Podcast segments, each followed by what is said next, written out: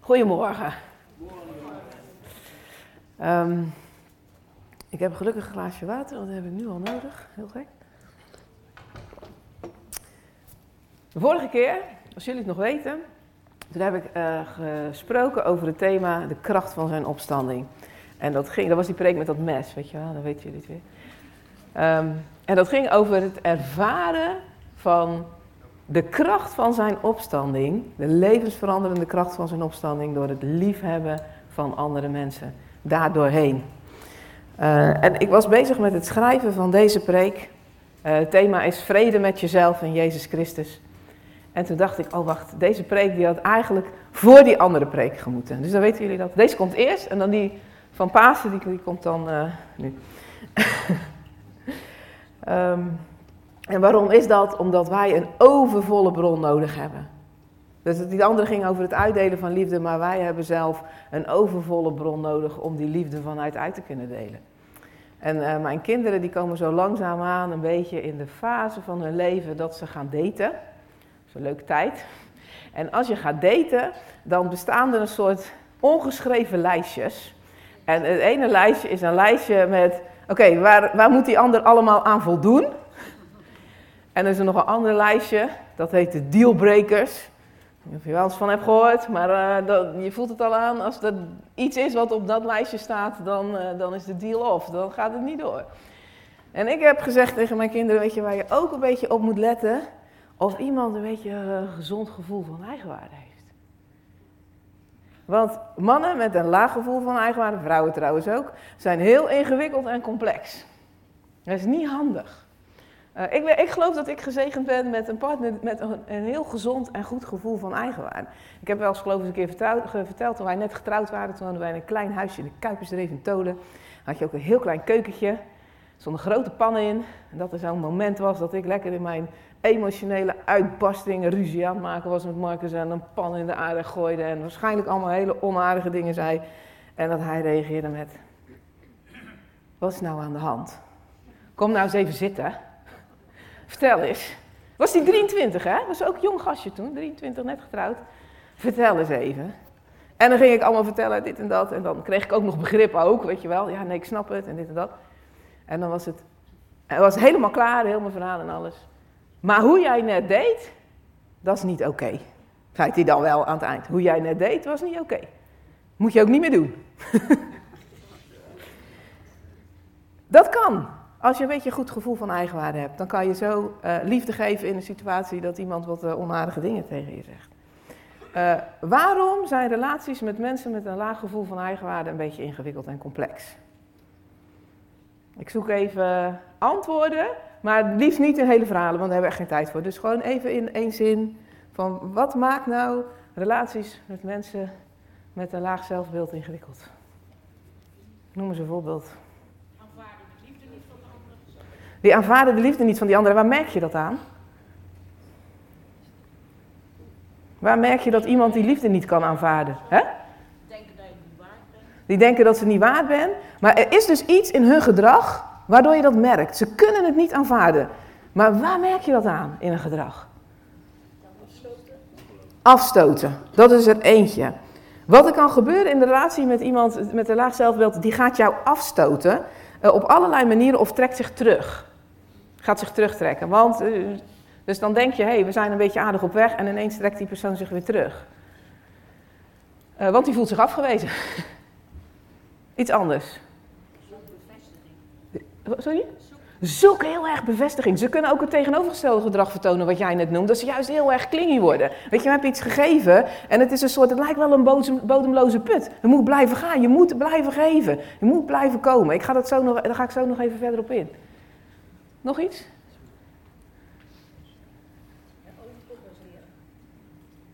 Heel streberig worden, bedoel je? Gaan gedrag overkomen. Alles veel, alles. Weet je, het zijn mensen die hebben heel veel ruimte nodig voor zichzelf soms. Heel veel tijd. Weet je, want, want dat is dat laag gevoel van eigenwaarde. Dus die kunnen bijvoorbeeld heel veel tijd doorbrengen met besteden aan hun uiterlijk. Ik zeg niet dat je niet moet verzorgen. Maar daar kan soms buitenproportioneel uh, veel tijd in gaan zitten, want daar moet dat gevoel van eigenwaarde uitkomen. Uh, ze kunnen uh, buitenproportioneel, ik zeg niet dat je niet naar de sportschool moet gaan, maar buitenproportioneel veel tijd aan, aan de sportschool besteden, omdat dat uiterlijk is dan zo belangrijk. Um, het kan zijn dat ze heel veel geld voor zichzelf nodig hebben, want ze moeten wel de mooiste auto rijden en de nieuwste telefoon hebben, omdat hun gevoel van eigenwaarde daaraan afhangt. Uh, ze hebben heel veel tijd nodig voor hun werk en voor hun carrière. carrière. Uh, dat neemt alles in beslag, omdat hun gevoel van eigenwaarde uh, daaraan afhangt. En ze zijn vermoeiend, klinkt negatief. Kunnen vermoeiend zijn, ja. Want al die dingen die ik net opnoem, dan merk je dat de balans is uit de relatie. Er is er nog eentje uh, die ik wilde noemen. Dus ze kunnen bijvoorbeeld vaak slecht tegen kritiek. Um, uh, je geeft kritiek, maar wat je terugkrijgt is. Het ligt waarschijnlijk wel aan jou.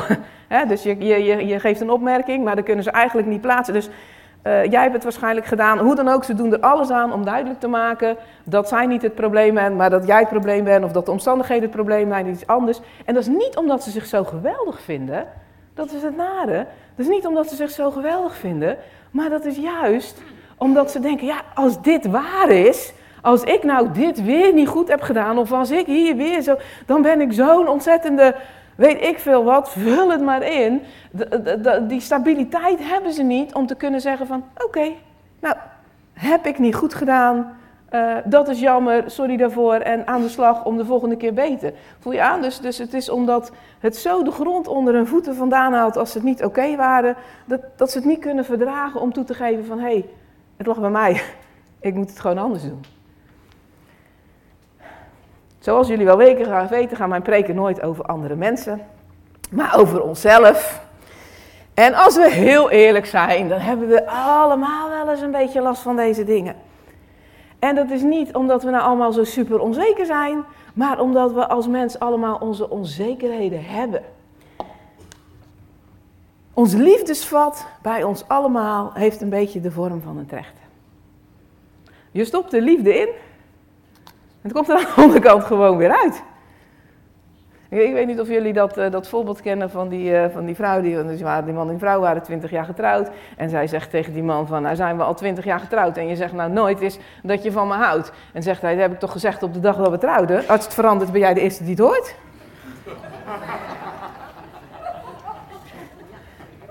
Ja, maar waarom schieten jullie in de lach? Omdat je weet dat het zo niet werkt.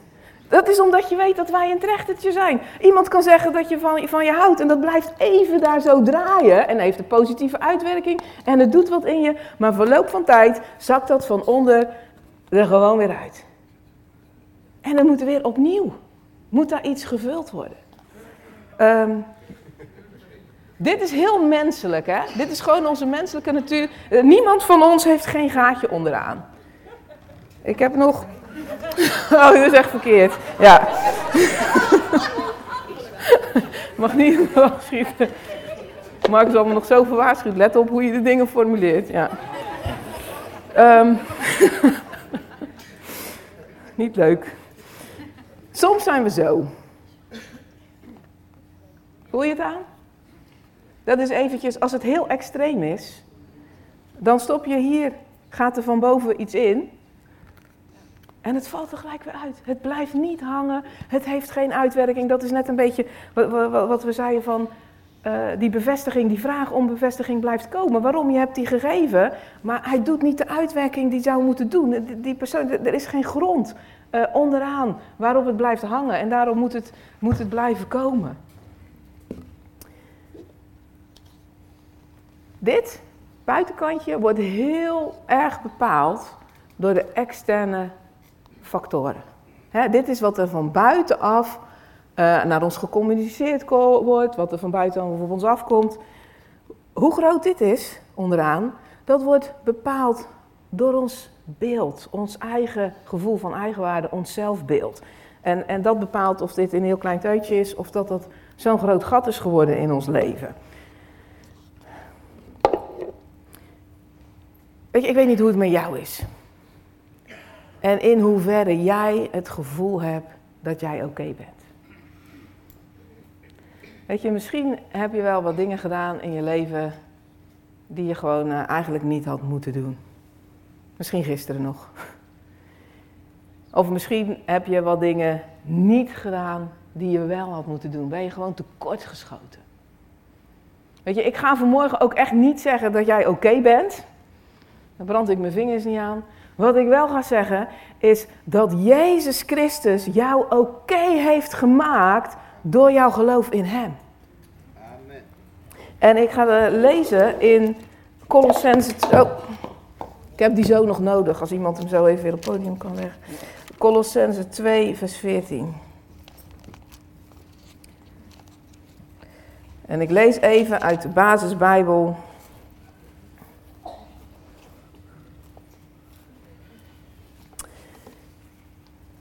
Daar staat het volgende.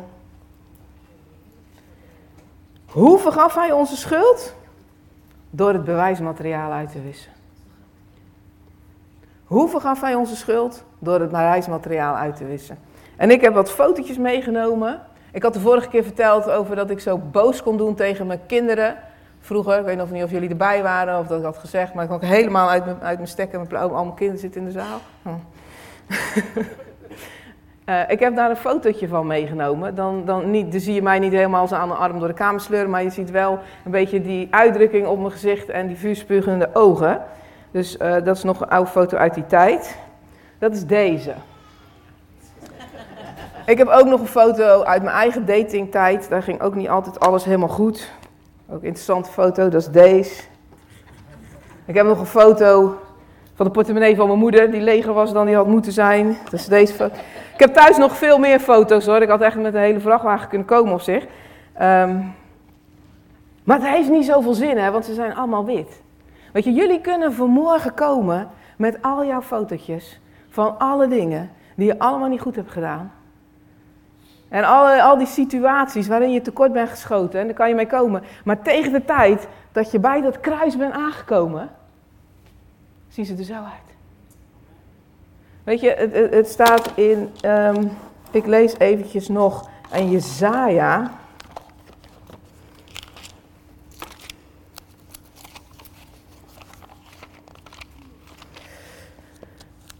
Jezaja 43.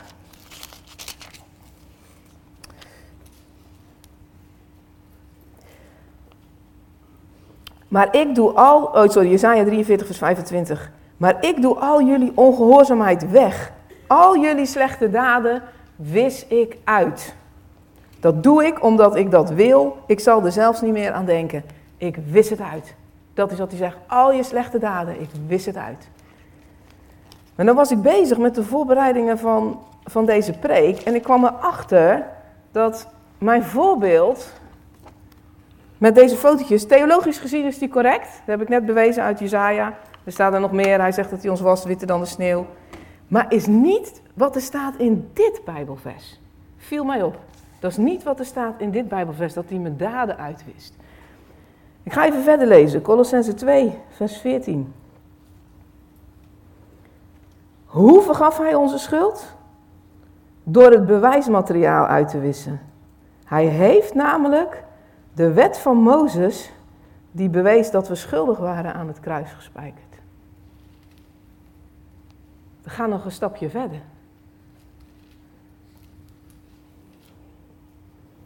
Het gaat over de wet.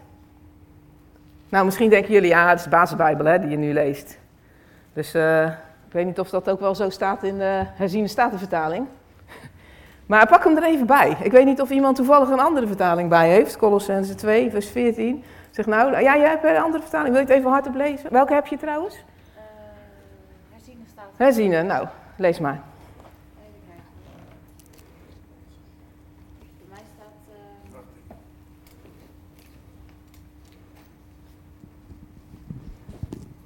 En het handschrift dat tegen ons getuigde uit te wissen. Dus het is het midden in de zin. Even zien. Dit handschrift was met zijn bepalingen tegen ons gericht. En hij heeft dat uit het midden weggenomen door het aan het kruis te nagelen. Hij heeft zijn bepalingen heeft hij aan het kruis genageld. Dit handschrift was met zijn bepalingen tegen ons gericht. Dat heeft hij aan het kruis genageld. Ja. Mooi hè? Dus dan staan er twee dingen tegenover elkaar. Weet je, als je in de rechtszaal komt en je komt daar voor je veroordeling, dan zijn er twee dingen nodig. Het ene is, er moet een Nederlandse wet zijn die zegt dat wat jij doet niet oké is. En ten tweede moet er bewijs zijn dat jij inderdaad die wet overtreden hebt.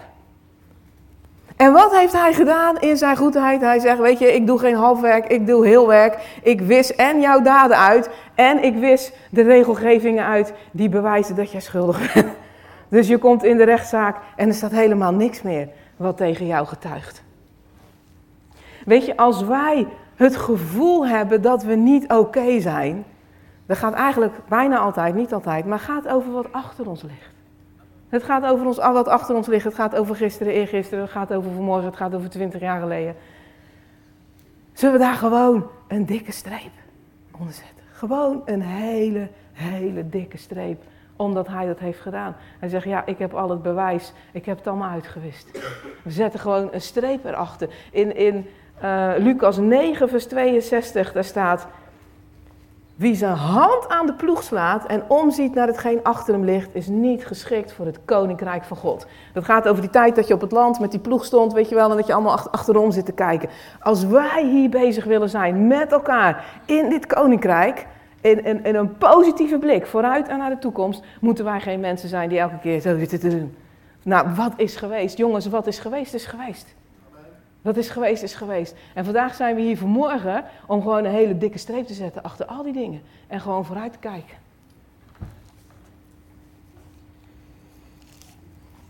Weet je wat 1 Johannes 1 vers 9 zegt? Dat weet hij. Nou zeg maar dan. Indien we onze zonde beleiden, hij is getrouw en rechtvaardig ons de zonde te vergeven en ons te reinigen van alle ongerechtigheid. Weet je, dit is een geestelijke discipline die is niet meer zo populair, zonde beleiden.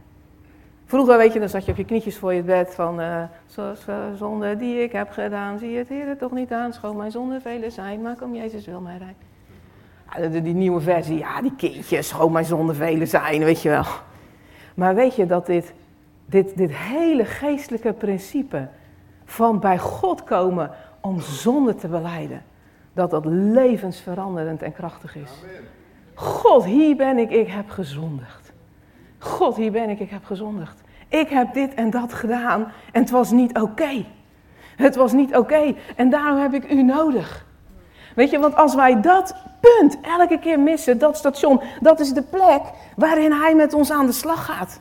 Dat is de plek, want als ik bij hem kom om mijn zonden te beleiden, dan kom ik ook om te aanvaarden dat hij ze vergeven heeft. Dat is de plek waar hij gaat kneeën aan mijn, op het moment dat ik er zo uitziet, dat hij gaat kneden ook aan mijn zelfbeeld.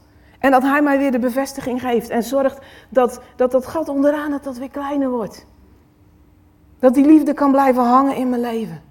Joh, dat is een station, dat mogen we niet passeren. Dat is een station, dat mogen we elke keer weer omarmen. Want dan vieren we elke keer weer opnieuw. Dan vervieren we elke keer weer opnieuw dat hij die streep heeft gezet.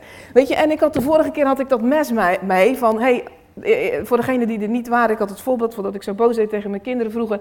En toen heb ik gezegd, als ik Jezus Christus wil voorleven aan mijn kinderen en wil laten zien wie hij is, dan zijn er gewoon dingen in mijn leven, moet gewoon het mes erin. Maar dit is iets wat ik samen met hem moet doen.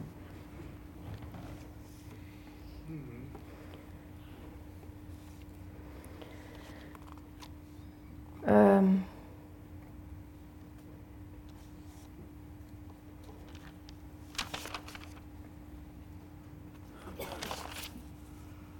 Ja, ik zie dat ik bij het overschrijven van mijn preek volgens mij een stukje heb uit, uitgelaten. En um,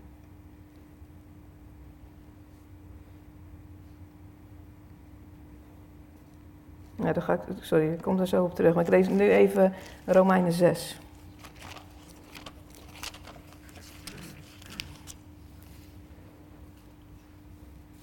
Ik, ik wil Romeinen 6 even lezen, omdat ik... Uh, omdat ik net heb gezegd dat, uh, dat de wet is uitgewist aan het kruis. En in Romeinen 6 vers 1 staan, hoe zit het dan? Zullen wij dan maar veel slechte doen, zodat God ons veel kan vergeven?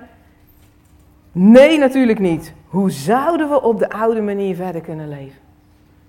Nee, natuurlijk niet. Hoe zouden we op de oude manier verder kunnen leven? Weet je, dat is wat, dat, wat gebeurt in dat proces van zondebeleiden.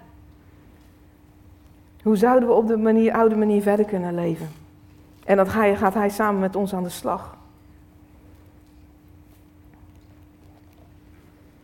Ehm,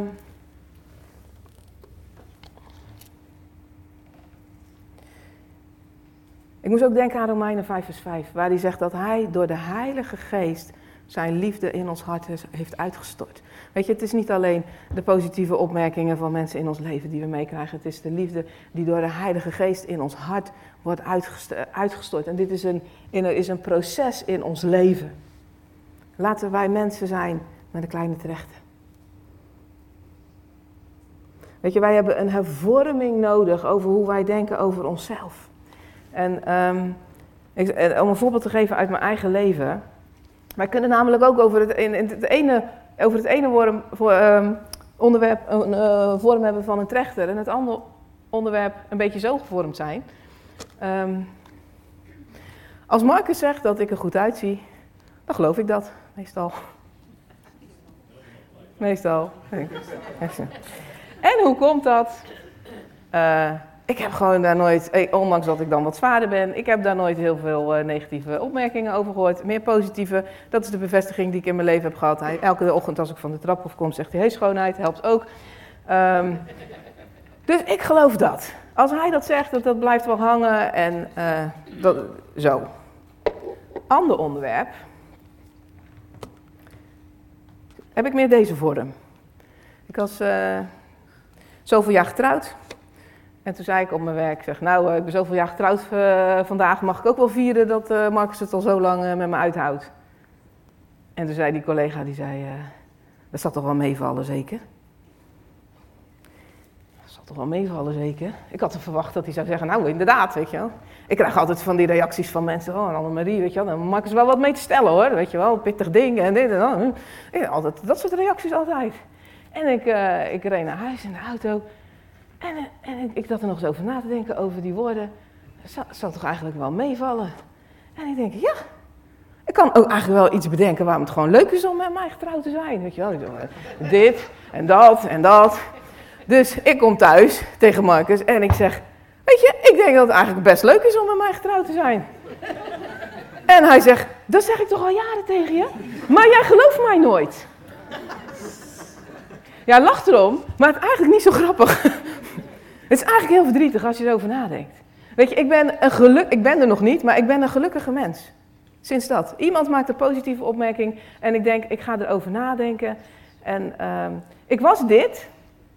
En, en dit schat, het is een, een klein beetje gedicht.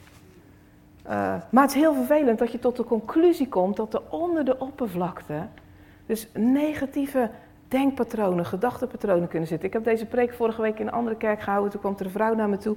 Ze zegt, ja, toen ik ging trouwen, toen had mijn moeder tegen me aanstaande gezegd van... Ja, het, bonnetje heb ik niet meer hoor, dus je kan hem niet meer ruilen. Dus je kan ze niet meer ruilen. Ik denk dat die moeder dat als grapje heeft bedoeld. Maar ze zei, ik denk dat ze ouder is als ik. Ze zat mij te vertellen, ze kreeg tranen in de ogen. Want zij heeft al de leven gedacht van ja, eh, mijn moeder heeft verwacht dat hij mij wel zou willen ruilen. Die heeft niet gedacht, wat een catch heb jij met haar. Die heeft gedacht, die zal ze wel willen ruilen. En zo kunnen er zomaar dingen die wij gehoord hebben, meegekregen in ons leven, onder de oppervlakte doen en een vernietigende werking hebben in ons leven.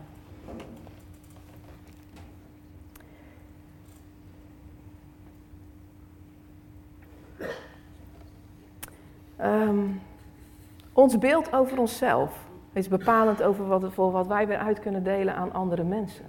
De tekst die ik net even heb gemist, is, met het overschrijven van mijn preek heb gemist, misschien weet iemand uit zijn hoofd waar die staat, is dat wij een hoge priester hebben die met al onze zwakte mee kan denken. Ja, het staat in Hebreeën, maar ik ben hem kwijt.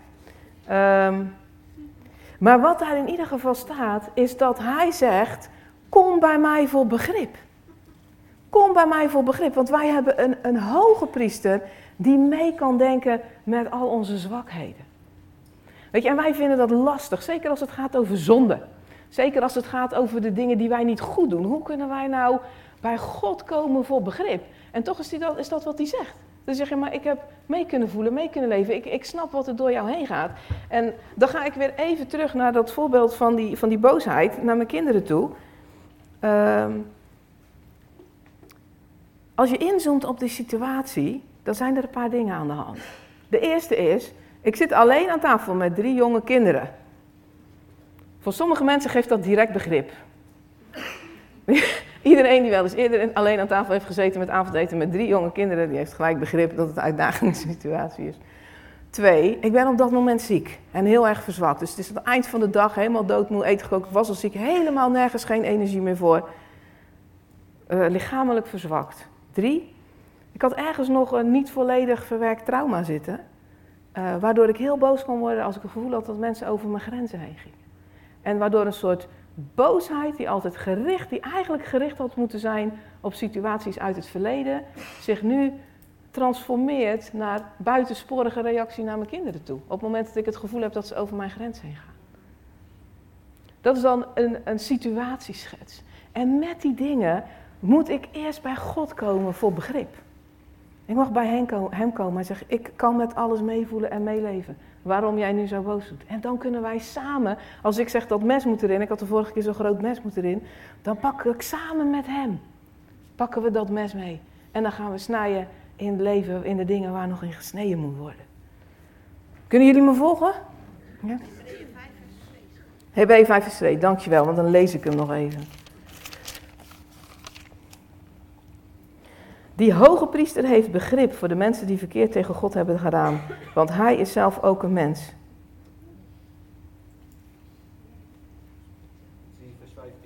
Ik, uh, hier, uh, klopt. hier klopt het niet. Ja.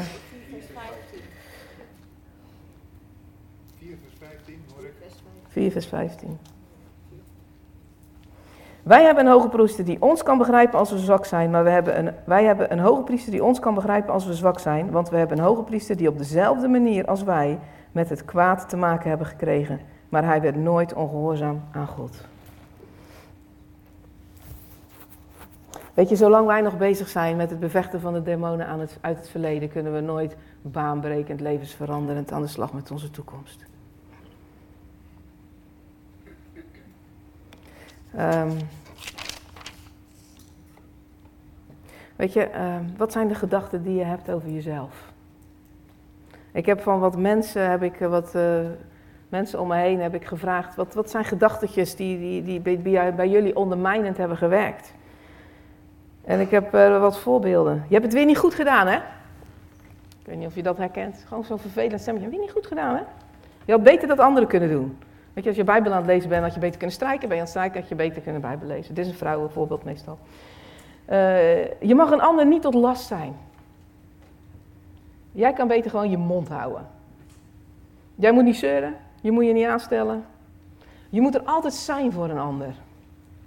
Wat je doet moet altijd nuttig zijn. Jij bent niet belangrijk. Deze dingen die kunnen zomaar onder de oppervlakte, kunnen ze allemaal zomaar fluisteren in je hoofd. En mijn vraag is, is dit de stem van de herder? Is het de stem van de herder? Weet je, als wij van die gedachten hebben, wij moeten ze proberen te vangen en onszelf af te vragen: hé, hey, dat gevoel wat ik nu heb, die gedachte die ik nu heb, is dit wel de stem van de herder? En ik, ik lees eventjes uh, uit Johannes 10. Wanneer hij al zijn schapen naar buiten heeft gebracht, gaat hij voor ze uit. En de schapen volgen hem omdat ze zijn stem kennen. Het is zo belangrijk dat wij in, in al die geluiden en dingetjes, die soms allemaal uit het verleden weer naar boven komen, dat we zijn stem herkennen. En dat we hem onderscheiden van de stem van de dief. Want er is ook een dief, er staat in vers 10. Maar een dief komt alleen maar om te stelen, te doden en te vernietigen. Ik ben gekomen om leven te geven en overvloed. Weet je, die, er is een dief die is erop uit om kapot te maken. Om te vernietigen, om te stelen. Welke plek nemen onze gedachten in? Geven ze leven en overvloed in ons leven? Of zijn ze, het is niet leuk om met mij getrouwd te zijn, aan het stelen, aan het roven? Ik, iedereen zijn eigen ding. Iedereen zijn eigen gedachten. Weet je, en ik, eh, heb hier opgeschreven, als je al langer in de kerk zit, wat voor de meeste van jullie, ik ken jullie gezichten, dus voor de meeste van jullie is dat zo. Dan hebben we al lang aanvaard dat Jezus voor onze zonde gestorven is. En wat ik hier heb opgeschreven vanmorgen is, wil jij, en dan is de boodschap voor jou, het is niet voor je linkerbuurvrouw of je rechterbuurvrouw of rechterbuurman vanmorgen, ook als je al heel je leven in de kerk komt. Maar wil jij aanvaarden dat Jezus Christus jou oké heeft gemaakt? Dat hij jou gewoon oké heeft gemaakt. Dat die last gewoon van je schouders afvallen. Dat je, dat je naar buiten loopt gewoon en met de diepe overtuiging. Ik ben gewoon oké. Ik ben gewoon oké.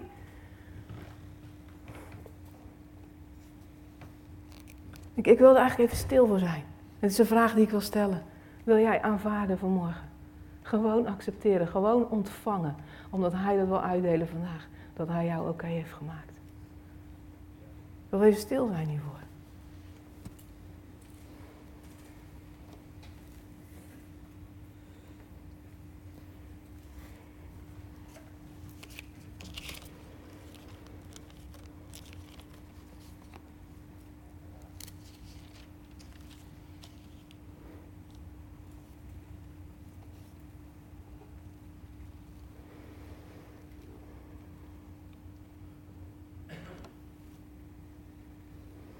Wie zal de mensen die door God zijn uitgekozen nog ergens van kunnen beschuldigen? God zelf heeft hen vrijgesproken van schuld. Wie zal hen dan nog kunnen veroordelen? Want Christus is voor ons gestorven. Ik wil graag de muziek naar voren vragen.